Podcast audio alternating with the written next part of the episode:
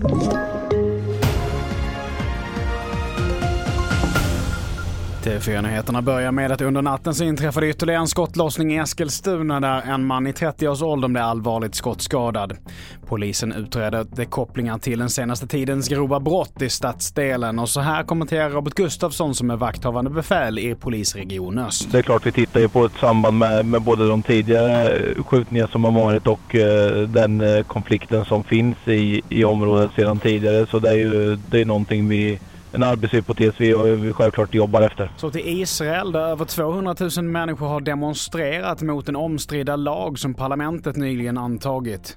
Protesterna genomfördes i flera städer och kritiker anser att lagpaketet hotar demokratin i Israel. Till sist, elbristen i Egypten under årets varmaste månad har lett till ständiga strömavbrott och regeringen uppmanar nu folk att jobba hemifrån om man kan. En annan uppmaning är att låta bli att ta hissen i början av varje timme, för det är då som energiförbrukningen är som störst. Och det har även blivit ett viralt skämt på sociala medier. Fler nyheter hittar du på tv4.se. Jag heter Mattias Nordgren.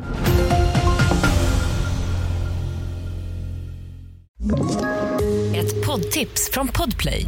I fallen jag aldrig glömmer djupdyker Hasse Aro i arbetet bakom några av Sveriges mest uppseendeväckande brottsutredningar går vi in med hemlig telefonavlyssning och, och då upplever vi att vi får en total förändring av hans beteende. Vad är det som händer nu? Vem är det som läcker? Och så säger han att jag är kriminell, jag har varit kriminell i hela mitt liv men att mörda ett barn, där går min gräns. Nya säsongen av Fallen jag aldrig glömmer på Podplay.